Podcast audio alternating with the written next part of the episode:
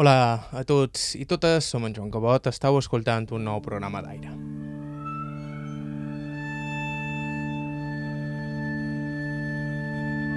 El d'avui és un personatge estratosfèric, una d'aquelles persones que han viscut una vida quasi de novel·la.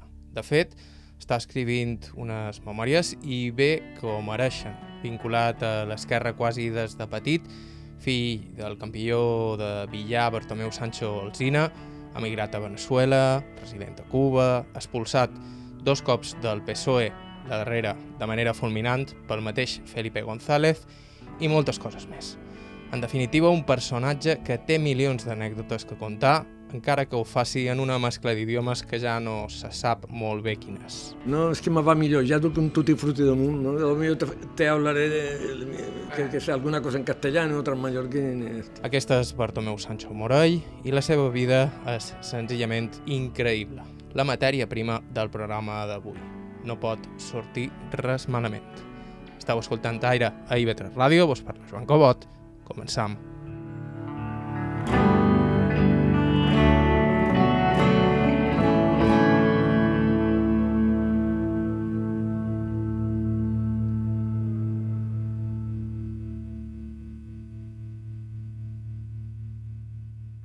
A Bartomeu Sancho l'entrevistam a la part de dalt del bar Bosc de Palma, no molt lluny d'on va transcórrer la seva infància. Sancho és per aquí de visita, una tradició anual. El seu nom complet és... El nombre mío es Bartolomé Sancho Morey. Nací el 18 del 6 del, del 35, o sea, hace pronto ahora 86 años.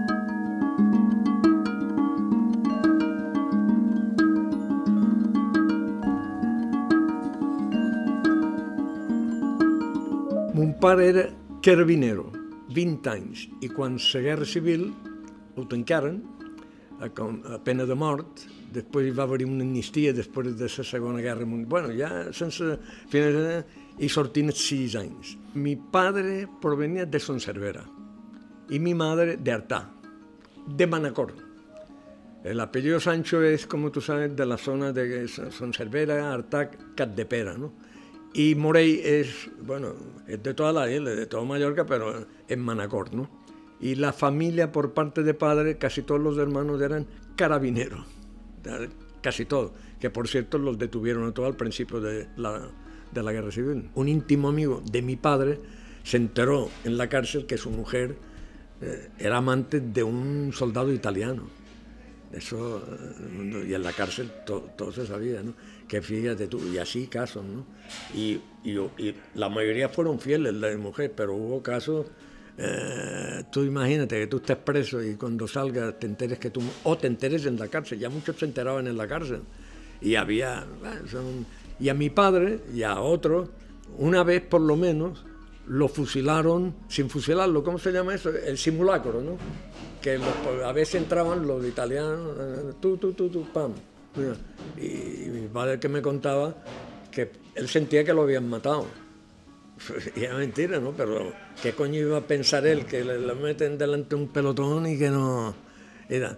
I, bueno, i anècdotes d'estat, no? Si la vida a dins de la presó era terrible, a fora no és que les coses fossin molt millors. Amb el marit empresonat, la mare de Bartomeu Sancho es va haver de fer càrrec de tota la família i aquells eren els anys de la fam. A mi més de dues vegades en la panadería, a mi madre, tenía dos niños pe pequeños, no porque fuera mi madre, muy, tenía que trabajar 12 o 14 horas cosiendo pantalones de soldado, fíjate tú, para poder subsistir. Y lo poco que tenía, repartirlo entre su marido, mi padre y mi hermanos.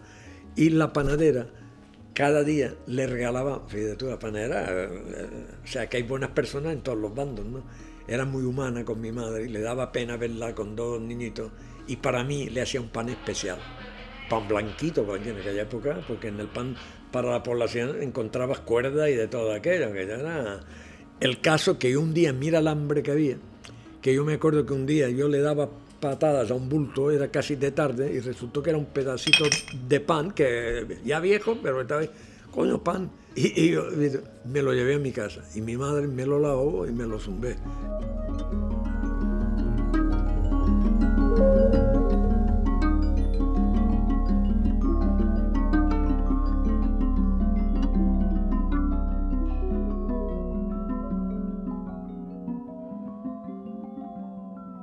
Pare era també molt conegut perquè era un campió de billar, de carambola. En aquella época el billar junto con el ciclismo eran los dos deportes favoritos de las islas. Pues mi padre, mi padre fue subcampeón en el año 29 y campeón, reconocido campeón de fantasía, de tres bandas, de Macet, era, bueno, era un fuera serie. Bueno, ya subcampeón en el 29, eh, yo me acuerdo, yo tengo aún una almudaina en primera página que está mi padre rodeado de gente, porque el billar, bueno, tú lo sabes, las carambolas, el juego de cara- Aquí no había un solo café, un poco importante, que, que no tuviera un salón de billares. Y después, cuando salió de la cárcel, pusimos en la calle del Carmen un café que se llamaba Bar Mosa, que significaba Bar Mo de Morey, el apellido de mi madre, y, y Isa Sancho de mi padre.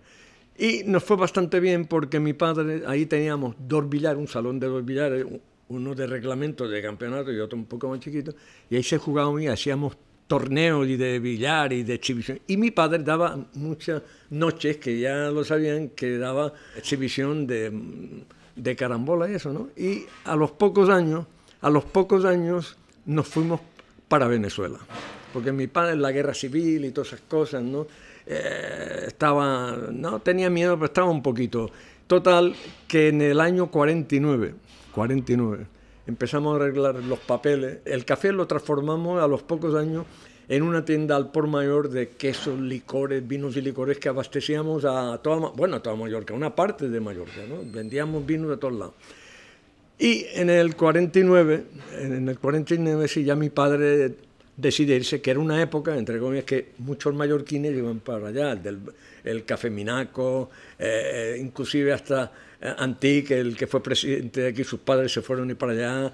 Eh, era un momento que mucha gente de Mallorca se trasladaba allí. Entonces el viaje eh, fue, fue, fue toda una aventura. El barco salía de Bilbao era un hermano gemelo de, había dos barcos que eran idénticos, con distintos nombres, el Virginia de Churruca y el Marqués de Comillas, que se fabricaron, tengo entendido, en el año 1914, más o menos, estos sí eran viejos, ¿no? Y entonces con el Marqués de Comillas nosotros íbamos a viajar a Venezuela, pero teníamos que estar en Bilbao ocho días, de aquí, de en aquella época barco Barcelona, tren para no había tren, estaba había problemas, tuvimos que coger un taxi para trasladarnos a Bilbao. Bueno, ahí nos alojamos en un hotel. Yo me, me acuerdo, era muy niño, ¿no? Tenía 14 años, no cumplido. Me, me llamó la atención en el hotelito que estábamos, que era un hotelito bastante bueno, todos eran camareras. Eh, En Mallorca, yo no sé, yo no, camareras muy bonitas, muy elegantes. Y fuimos a la agencia a la de viajes para ya presentarnos y tal, y nos dicen a los dos días, bueno, les voy a dar una noticia que no es muy buena. Y mi padre dice que, ¿cuál es la noticia? Bueno, la noticia es que su esposa no podrá viajar. Digo, mi padre dice, pues bueno, si yo tengo paga, el pasaje, para, no podrá viajar. Entonces, fíjate tú, solo podíamos irnos mi padre y yo. Mi otro hermano el mayor se había que- quedado aquí esperando ya que nosotros nos estableciéramos ahí. tal. Y mi padre, ni corto ni perezoso, se dirige a la primera comisaría que encuentra en Bilbao, una comisaría, y explica, desesperado. Y el comisario jefe le dice, bueno, hay un abogado, le dio lástima o pena, o como tú te quieras llamar, el caso nuestro, pues venir desde Mallorca, encontrarte ahí con el dinero justito y tal y igual. Vayan a ver al abogado este, yo no sé, bueno, mi padre fue a ver a, a este abogado, era uno, uno muy conocido en Bilbao, después nos, dimos cuenta, y el caso lo indignó un poco, digo, pero ¿cómo ustedes le hacen eso? Bueno, total, a dos días que, que saliera el barco, vamos para allá, para la agencia con él, y él nos acompaña. Y el mismo comisario Fito hasta llamó por teléfono. ¿no? Bueno, total, que le dicen al jefe, porque el de la agencia, no, porque es que ya estaban vendidos, imagínese usted, está con bueno, el lío que te meten, ¿no? Y el abogado y el comisario que estaba ahí, uno no es comisario, le dicen, bueno, usted arréglelo como usted quiera, pero esta señora tiene que salir pasado mañana, tiene que salir, arreglo. Y hubo un pequeño... A las pocas horas nos llaman al hotel, se hacen contacto con nosotros y le dicen a mi padre que podrá salir mi madre también. Y la anécdota es en primera clase. O sea que mi madre hizo el viaje en primera clase y nosotros en tercera, que tercera era, en aquella época tercera que se tuviera. Eh, éramos 30 o 40 en un pabellón, en el camarote éramos de 30 o 40 personas ahí juntos, de lavarnos ahí, nada, como en las películas, ¿no? Y mi madre, afortunadamente, salimos en ganancia, eh, en el buen sentido de la palabra, porque imagínate tú, mi padre que podía ir a visitar a mi madre, tenía el permiso, porque no todo el mundo podía ir a primera, y ahí tomaba café y no pagaba nada. O sea, que el viaje muy bien. Y antes de salir, mi padre, muy agradecido, invita al abogado a ir a comer a un buen restaurante. Ya el poco dinero que le quedaba a mi padre, y no quería, sí, sí fue. Y, y, fue el comisario también. Comisario, fue el comisario y el, y el eh, estaba mi madre, éramos cinco, ¿no? Y bueno, una conversación, hasta de política hablamos, ¿no? Pero de las, porque era, eh, hacía poco que la Segunda Guerra Mundial se había terminado. Ya, ellos se dieron cuenta que mi padre era republicano, que había estado preso, que se lo digo, ¿no? Y bueno, aún mi padre no había pagado la minuta. Y entonces terminamos de comer, y yo me acuerdo, tengo, y mi padre pide la cuenta, y cuando pide la cuenta ya estaba pagada. Lo había pagado el abogado. Fíjate tú. Mi padre después, en el viaje, él comentó eso con mi madre. o sea, nos, nos soluciona el problema y en vez de cobrar, aún nos invita. Bueno, y sí, hizo una amistad tal con mi padre, porque resulta ser que el deporte abre fronteras a veces, que era muy aficionado al billar este señor. Y mi padre iba, yo me acuerdo que, que aún yo lo conservo uno, con una almudaina, que en primera página, el fotografiado con 70, 80 aficionados, como subcampeón que había quedado en el 29, ¿no? Y bueno, y mi padre, no, no, no, no, pagaron el... Bueno, eso luego lo comentó con nosotros y dijo, fíjate tú, pienso yo que adversarios políticos, porque yo no creo, yo no creo que el comisario y, el abogado fueran de izquierda. No yo, ese tema no se tocó, simplemente el humano, ¿no? Llegamos hacia Venezuela y nos vino a esperar el secretario, no, la secretaria del secretario de Rockefeller porque resulta que el secretario de Rockefeller en Venezuela era Onofre, que era un, yo no sé si fue teniente alcalde de, Palma, fue una personalidad política, yo no sé. Y ese tío se había asilado, apenas comenzó la guerra civil, se asiló y tuvo tiempo de poderse escapar. Y conocí a mi padre. Y entonces estuvimos hospedados en casa de, de Onofre, que era, ya te digo, el hombre fuerte de Rockefeller, porque era abogado, y a través de él, también a través del billar también, cosas de la vida, ¿no? Mi padre un día, camina, mientras le buscaban un empleo a mi padre, yo no, porque con 14 años, eh, eh, sí, empecé a trabajar a los 15 con un empresario mallorquín que se llamaba Soler de Zapatos, tenía una fábrica ahí en Caracas, en sociedad con Cardona, que era de Mahón, de Cardona, y me dieron trabajo. Pero bueno, pusimos un restaurante gracias a que un domingo, paseando con, mi padre por Caracas, en la plaza de Venezuela, que está en Caracas, en una esquina había un club de billar para millonarios. Para millonarios, que ahí solo podían entrar los aficionados, los afiliados, que era gente muy selectiva, ¿no? Club fantástico. Y mi padre, y desde afuera, miro, y vio muchos billares y tal, y el, portero, el, el, le dijo, ¿usted es algo? Dice, no, usted perdone, es que yo jugué a billar y tal, y, y, me gusta, dice, usted perdone, pero aquí usted no puede entrar. Pero se da la casualidad que entraba el, el presidente del club, que era un ex militar. Y entonces oye la conversación y ya vio que éramos extranjeros, mi padre se presentó, ah, sí, usted, ta, ta, ta, pase, pase, pase.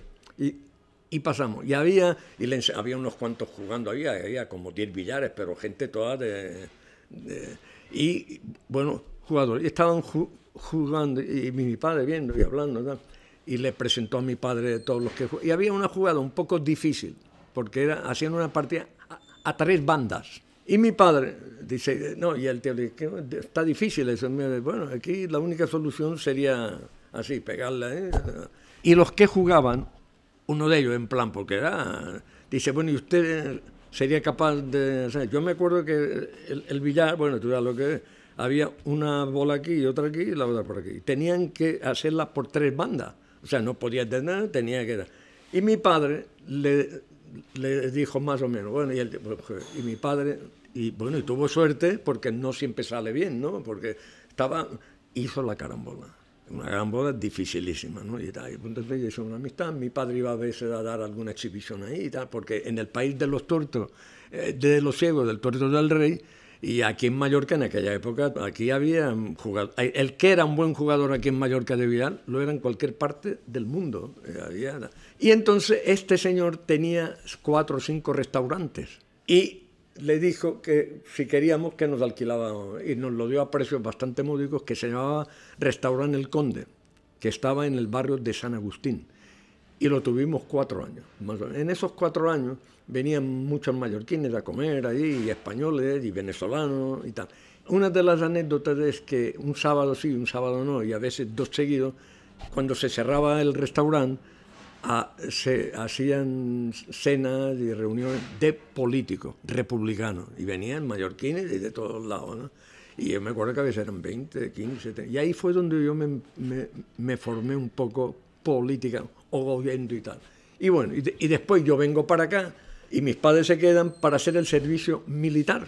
Yo digo, bueno, voy a hacer mi, mi servicio militar voluntario. Y me presento en el batallón de Manacor y estoy unos pocos meses. Y ahí salen vacantes para la policía indígena de Sidi Ifni, del Sáhara. Yo con 19 años, eh, niño, coño, me llamó la atención, pues vamos a ver, me hace ilusión irme para el Sáhara, ¿no? para Sidi Ifni, ¿no? Y en plan ya pido la solicitud, tal y cual, digo, nada, total y no me la van a aprobar. Y me viene aprobada. Y me viene aprobada. Eso en el año 50, 54, por ahí 55, ¿no? Entonces me preparan el viaje aquí en el cuartel, tal, para allá. Y el viaje era, teníamos que ir a Tetuán, porque Tetuán a las horas era de España. Ahí, eh, eso era España, ¿no? Y llegamos a Tetuán, Llegamos a Tetuán y me hacen el pasaporte, lástima que yo, yo lo guardo, y me hacen el pasaporte como policía, profesión, policía, ¿no? De, de. Y cruzamos todo el Marruecos francés, todo el Marruecos francés, y, el Marruecos francés estaba en guerra porque aún era de Francia, era francés, no era eh, Marruecos no era independiente ni nada de eso, estaban en, plena lucha. Bueno, que por cierto casi nos matan, porque había tiros a... Bueno, entonces, hechos del viaje, el autobús se para en Casablanca para comer. Y nos paramos ahí, y los dueños eran unos republicanos españoles, porque había españoles por todos lados, ¿no? Y en Francia había mucho. Cuando se enteran que les dijimos quién era, al principio fueron un poco antipáticos, ¿no? Pero cuando yo les conté un poquito mi vida y tal y cual, ya vieron que yo no era que, que, no era franquista, ¿no? Y, y, nos invitaron a comer y no nos cobraron nada, ¿no?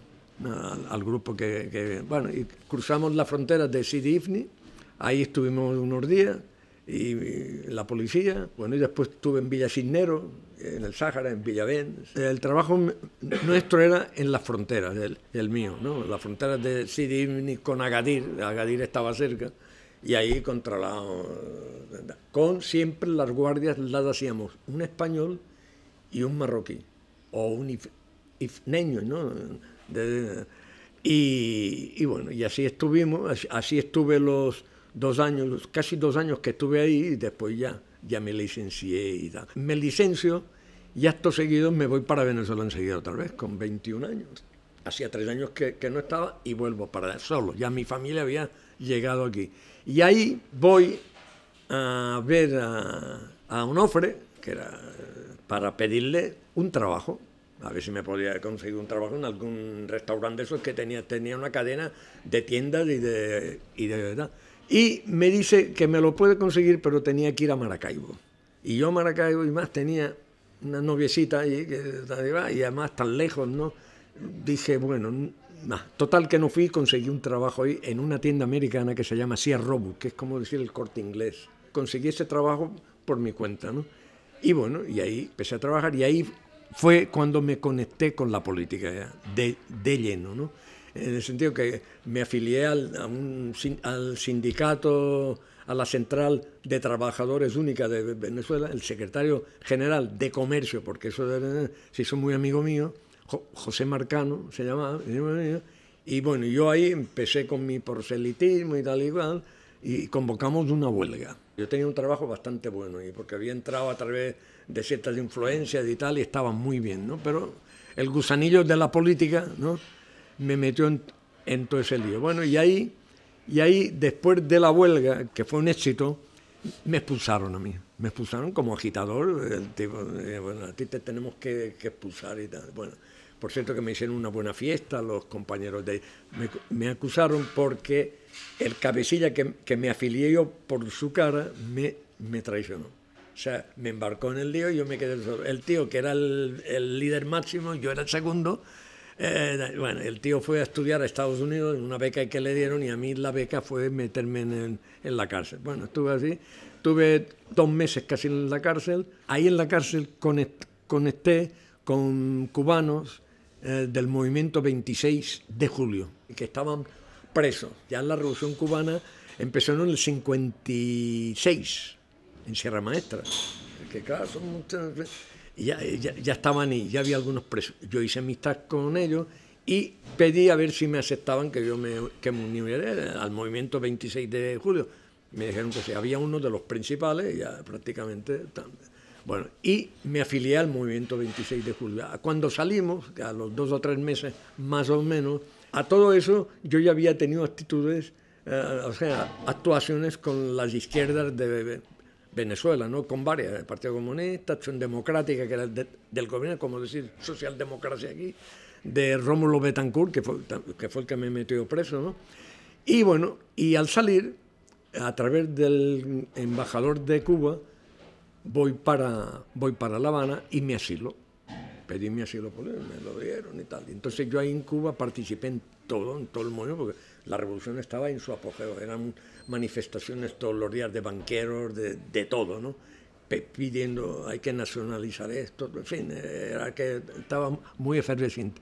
Y estuve trabajando en el Ministerio de Comercio Exterior varios años. Al cabo de un año más o menos de estar allá, eh, me fichan para decirlo de alguna forma, no como agente, pero casi. Entonces, para, para trabajar, claro, algunos dicen espía, no, espía no, yo era un agente informativo, ¿no? que estaba metido ahí dentro para eh, evitar sabotajes y, y, todo eso. Y estuve así cuatro, cuatro años, contactos bastante tal para, eh, entre ellos había una, una de las cinco potencias ya, no sé, te he dicho todo, ¿no? Y bueno, y, y, trabajé unos cuatro o cinco años ahí y al mismo tiempo tenía contacto con todos los venezolanos que iban a la época que iban a Cuba. O sea, que Cuba aquello era la meca en aquella época de, del socialismo, ¿no? Ahí iba de toda América Latina, iba gente ahí, ¿no? Y, y de España y tal, ¿no? Y entonces, a los cuatro, en el año 67, se decide a que yo vaya a Venezuela a la guerrilla en el 67, que fue el año que asesinaron al Che Guevara. Yo estaba en París cuando es. Bueno, entonces, para ir a Venezuela, para ir a París, que era donde, o para ir a Venezuela, era eh, la vuelta al mundo casi. No es como ahora que coge el avión y de La Habana a Caracas. Para ir a Venezuela había que ir a Canadá, de a Halifax, de Halifax a Praga, Praga, París. En Praga tenías tus contactos, en París te arreglaban papeleo todo para ir para Venezuela. Pero para ir a Venezuela tenés que ir a Bogotá, a Colombia, y después por tierra pasar a Venezuela. Son los viajes que yo iba a hacer. Ya estaba todo, todo arreglado. Y, de, y un día antes de salir, me dicen, Gallego, el que estaba ahí, que era un médico venezolano, el catire, porque a los rubios lo llaman el catire. Yo tengo la doble nacional venezolana y española. Me dice, tú, tú no sales. Yo pensé, coño, ¿qué, ¿qué, habrá pasado? Y había pasado que había, que había un chivato que era íntimo amigo mío, fíjate tú, íntimo amigo mío, y se portaba conmigo venezolano, de Venezuela, que estaba en La Habana, que era un informante, y cuando llegaban los venezolanos de ahí, después de este que casi, en aquella época casi cada semana salían dos venezolanos, uno, para, iban a Cuba, a formarse en la guerrilla y tal y cual, y después, porque en aquella época había mucha guerrilla en Venezuela, en aquella época hubo en Venezuela, y no fui, claro, ya, entonces ya, ¿qué hago yo? ¿Qué hago yo? No, no vengo para España, me voy para Bélgica, me voy para Bélgica, porque hay muchos españoles, y ahí conocí a Rodolfo Llopis, era en, la, época el secretario general del PSOE, histórico. Y entonces me afilio al PSOE a través de él. Después vino lo de Surenne y todo eso, que Felipe González cogió el poder y, eliminó a, a toda esa gente, ¿no?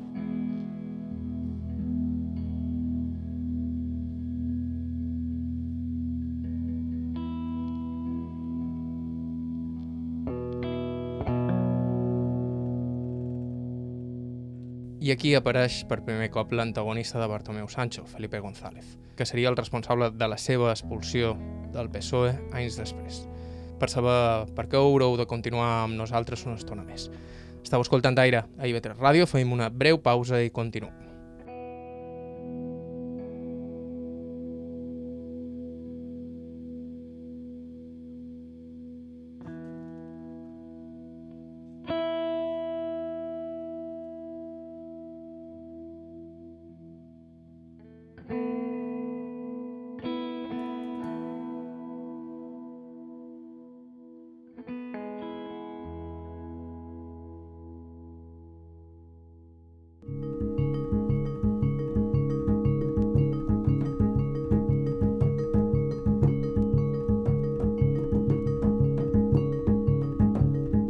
Hola a tots i totes, som en Joan Cabot, estàu escoltant Aire. El protagonista del programa d'avui és Bartomeu Sancho, personatge vinculat a la política, ets militant del PSOE i un home que ha viscut per mig món, sobretot a Venezuela i Cuba. A Caracas, ja ho ha explicat abans, s'hi va arribar amb 14 anys, amb els seus pares que fugien de la repressió franquista i arribar allà va ser literalment descobrir el nou món. S'envient de Caracas, perquè te doni una idea, quan jo va arribar a Caracas, jo arribar a Caracas, em va impressionar l'hotel El Nacional, porque el hotel El Nacional tenía seis pisos. Fíjate tú, eso es lo que me llamó la atención a mí. Todas las casas eran bajas, puntas bajas, y el Hotel Nacional tenía seis pisos. Para mí era un rascacielos, rascacielos. Eso fue en el año, eh, a finales del 49. A los pocos meses ya se, no, ya se estaban construyendo las, torres, las dos torres del silencio de 25 pisos, que fueron los dos primeros rascacielos, ahora ya después tal. Y eso, eso era, y, y habitantes había menos de 400.000. Era un pueblo grande, una ciudad grande, bonita, eh, tranquila. Se ganaba mucho dinero en aquella época. El que, el que era un poquito espabilado se, se, se ganaba dinero. Para que te des cuenta, la plata funcionaba, era, eh, había cinco pesos de plata, un peso de plata, tal igual. Y el bolívar estaba, eh, era más fuerte que el dólar, porque cinco bolívares que se llamaban fuerte era un dólar y medio. O sea, se es por eso que había tanta inmigración y mallorquines y eso, ¿no? Y el restaurante que pusimos nosotros, como te, te dije, mi madre, cuando lo compró o nos lo vendió a precio a pagar cuando podíamos, había un, un, cocinero francés que iba a pique, lo tuvimos un mes y de cada día teníamos que poner más, más dinero. Hasta que mi padre dice, coge tú la dirección de la cocina y mi madre coge la dirección de la cocina con un primo mío y, y un ayudante y tal. Y empezó, bueno, y ganábamos mucho dinero. La comida nuestra de mallorquín y venezolano, hasta la creol, que era la petroleum, las oficinas centrales que había en Caracas, estaba a 150 metros de nuestro restaurante. Más de la mitad de los que venían a comer eran americanos. Y decían, y, y el restaurante no era de lujo, estaba bien, pero no era un restaurante de lujo. Pero la comida era extraordinaria. ¿Qué comida era? Mallorquina y venezolana, pero mi madre no porque fuera mi madre, era... Fíjate que el, señor ese eh, venezolano, que era un militar retirado, que, le gustaba mucho el jugar a carambola, que se hizo muy amigo de mi padre, le dice, si no se van, yo le propongo a usted que montemos una cadena de hoteles. Usted, pero mi padre se añoraba mucho de mayor, que su madre estaba a punto de morir, y regresamos para acá, cuando mejor nos iba, ¿no?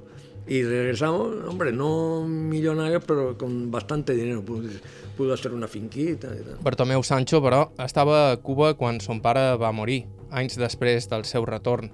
Com no, el viatge des de Cuba per l'enterrament de son pare també va donar per una nova aventura i obriria una nova etapa en la seva Mi padre se muere en el 64, en el año 64. Y yo, eh, la, la embajada española no me dio Visa, bueno, visa. yo no tenía el pasaporte, ya se me había que si perdió y me dice, mira, lo sentimos, usted no puede ir a España. Y entonces el Ministerio de Relaciones Exteriores de Cuba, la verdad que se portaron muy bien conmigo, dijeron, pues, eh, claro, ¿cómo te vas a ir? Yo fui a la embajada, fui al consulado, y me dijeron, no, así, así tú no te... Bueno, total que yo ya desistí. Mira que hicieron cosas y tal. Y bueno, hasta tuve unas palabras con el cónsul español, pero nada. Y ya, y desde la noche a la mañana me llama, eh, porque yo tuve contacto con Raúl Roa, que era el ministro, que, el ministro más prestigioso que ha habido en Cuba de Relaciones Exteriores. Dice Sancho, te hubiéramos podido hacer hasta un pasaporte diplomático y de saberlo, que te hubiera ido y tal, ¿no? Pero bueno, ya en esa situación. Bueno, total que se decidió, si yo quería irme para venir a España, fíjate tú, que yo viniera en un barco cubano que se llamaba el Sierra Maestra, que hacía que iba para Bélgica y Holanda, un, mercante ¿no? nuevo, polaco, Dice, tú llegas a Amberes y al llegar a Amberes, a, ver si puedes desembarcar, y en fin, lo pide, vamos a hacer otra prueba, vamos a pedir, vamos a ir otra vez a la embajada. Yo conozco que, me dijo está el capitán, al cónsul español que hay en Amberes, un tío bastante tal, y vamos a intentarlo. Y eh, el viaje, la travesía de, de Nuevita hasta Amberes duró unos nueve días, y a nosotros nos metieron, íbamos de pasajeros cuatro personas un pintor italiano que, que regresaba para su casa, un músico y un italiano, y yo.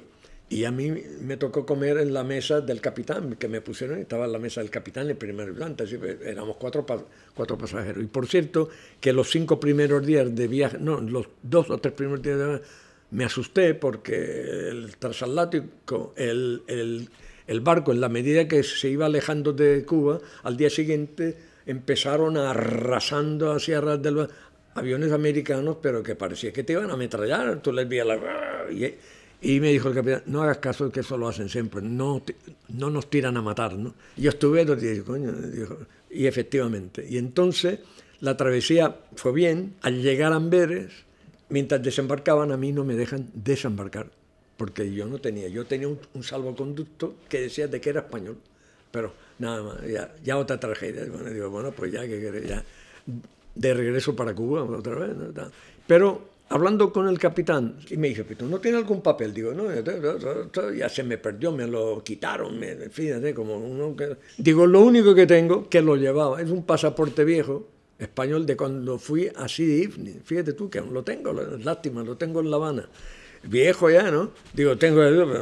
Digo, coño, es verdad, aquí digo que fuiste policía y eres español, llama él mismo, llama al cónsul y dice, coño, tengo e, ese documento. Y dice, coño, si me lo hubieras dicho, en ese documento ya, ya no hay nada. Entonces me pone ese documento, eh, fue, fue de película esto, hasta el, hasta el cónsul español. dice, coño, un paisano, no sabía, era un niño, tenía 26 años.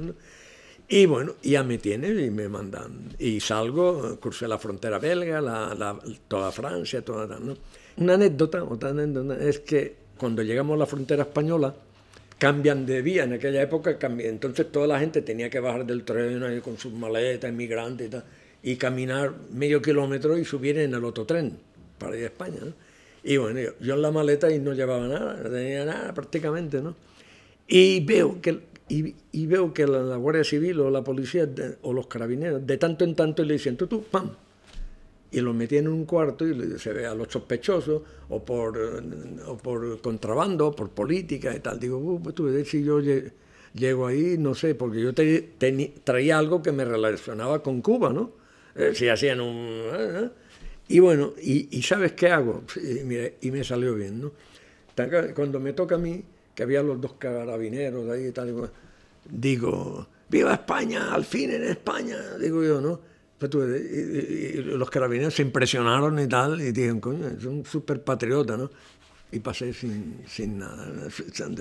Y bueno, y, llego a Palma, llego a Palma, vi a Barcelona y tal, estuve, mi padre ya lo habían enterrado, mi padre ya estaba enterrado porque hacía unos días, y bueno, y estuve aquí y tal, y después pasé de, desapercibido y, y, regresé a Cuba otra vez vía Checoslovaquia y tal. De, aquí salí a París y en París de ahí ya tal. Entonces en Cuba seguí con mi trabajo y tal.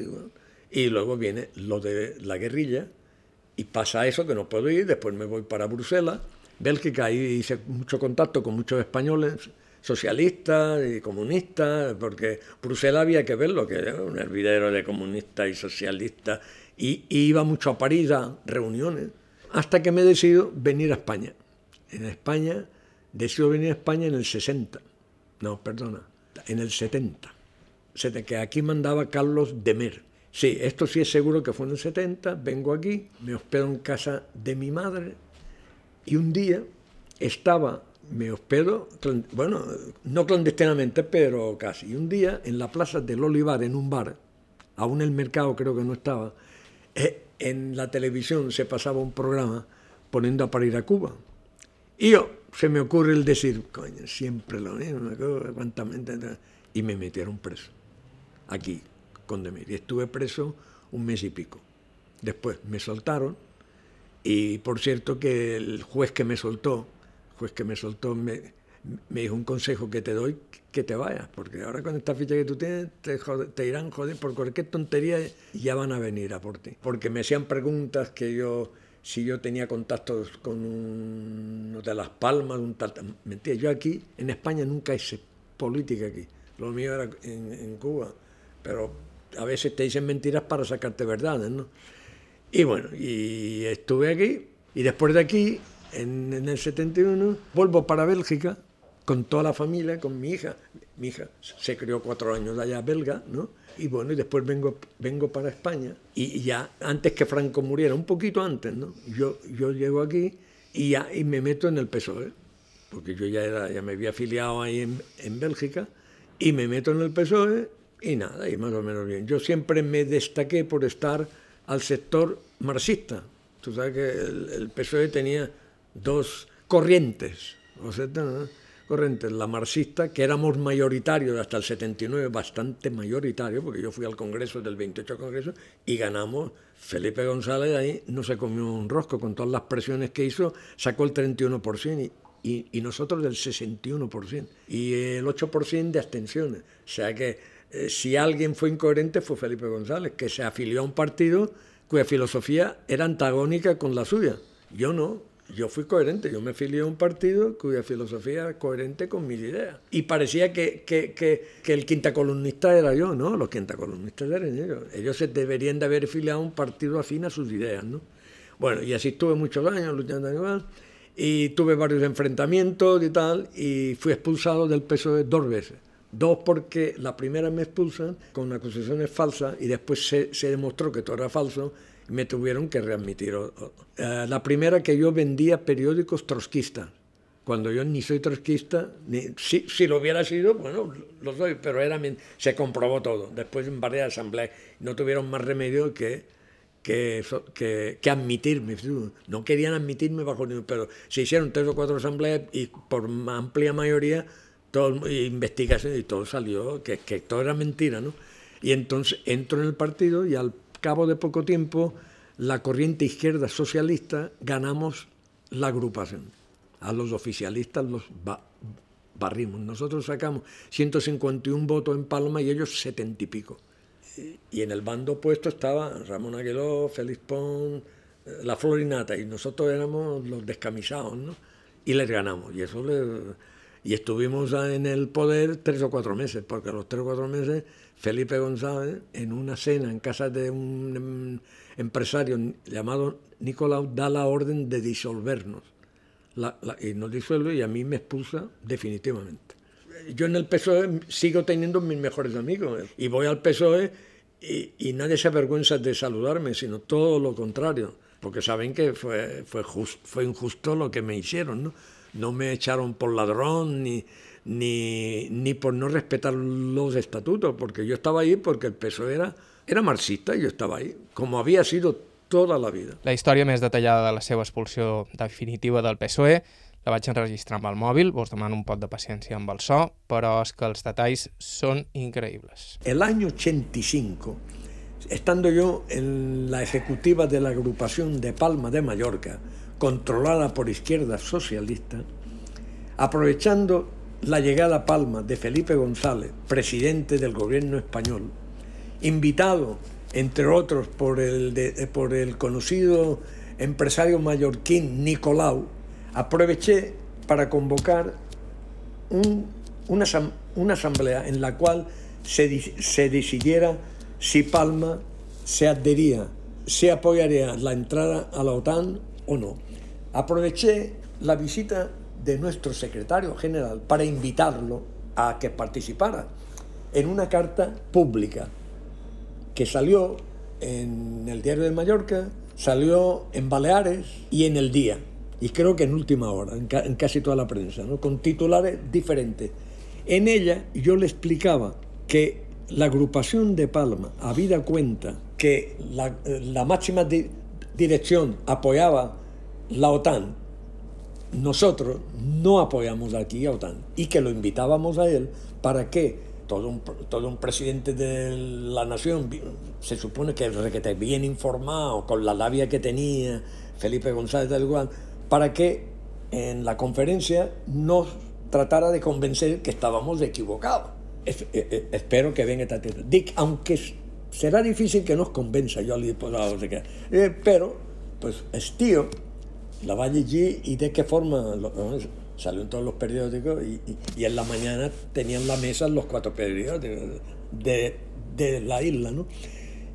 Entonces, en vez de venir a la asamblea, da orden desde la misma comida que disuelvan la, la, agrupación de Palma de Mallorca y a sus máximos dirigentes, entre los que se encontraba Luis Aspiro y un servidor, a Luis Aspiro expulsarlo y a mí expulsarme definitivamente, porque yo ya había sido expulsado otra vez.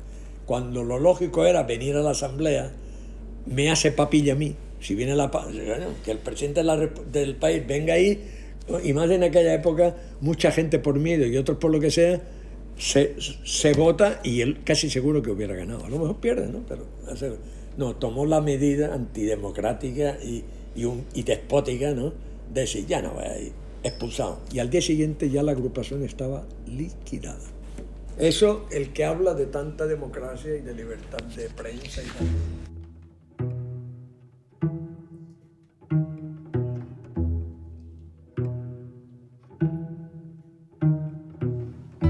Anys després, Bartomeu Sancho tornaria a Cuba, on encara resideix.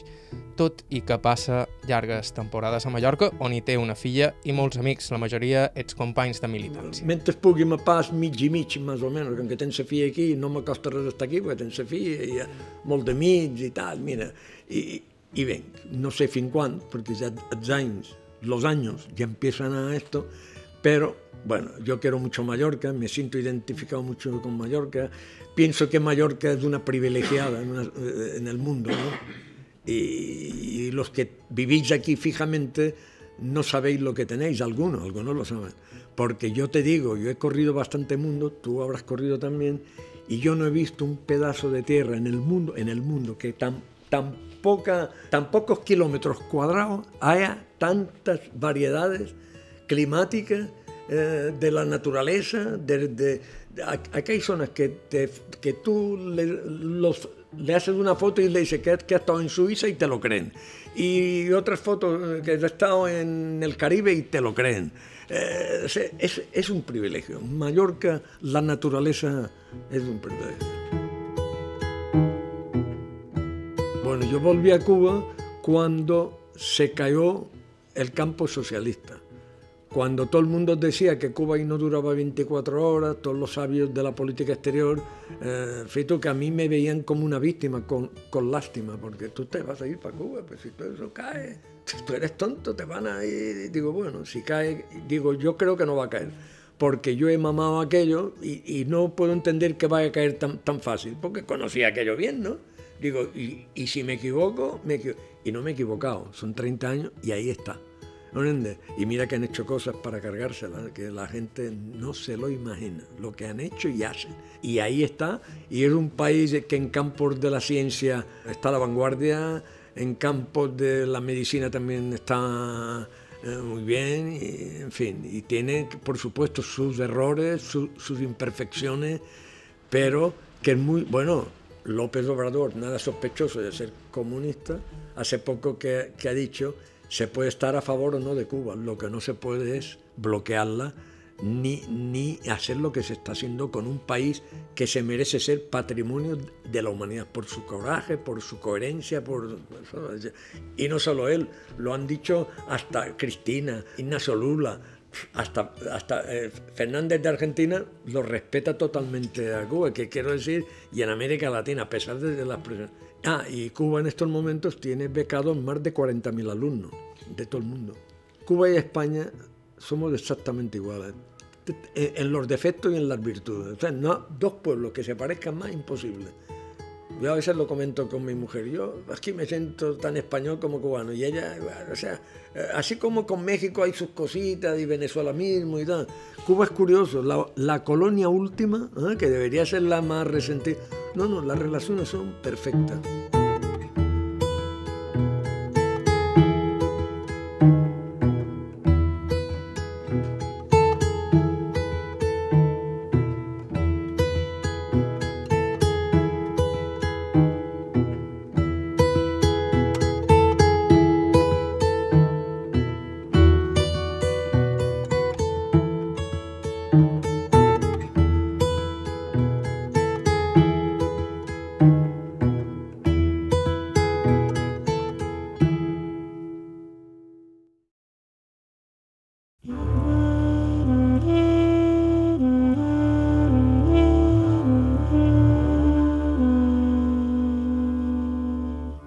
Fins aquí el programa d'avui. Moltíssimes gràcies a Bartomeu Sancho pel seu temps i la seva amabilitat i moltíssimes gràcies a Gerardo Mollà per facilitar-nos l'entrevista.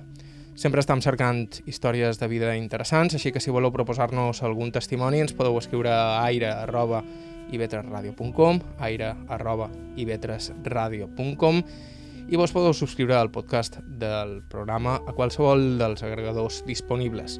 A ib3.rg barra carta i trobareu tot l'arxiu del programa. La música que hem fet servir avui és de Maria... De...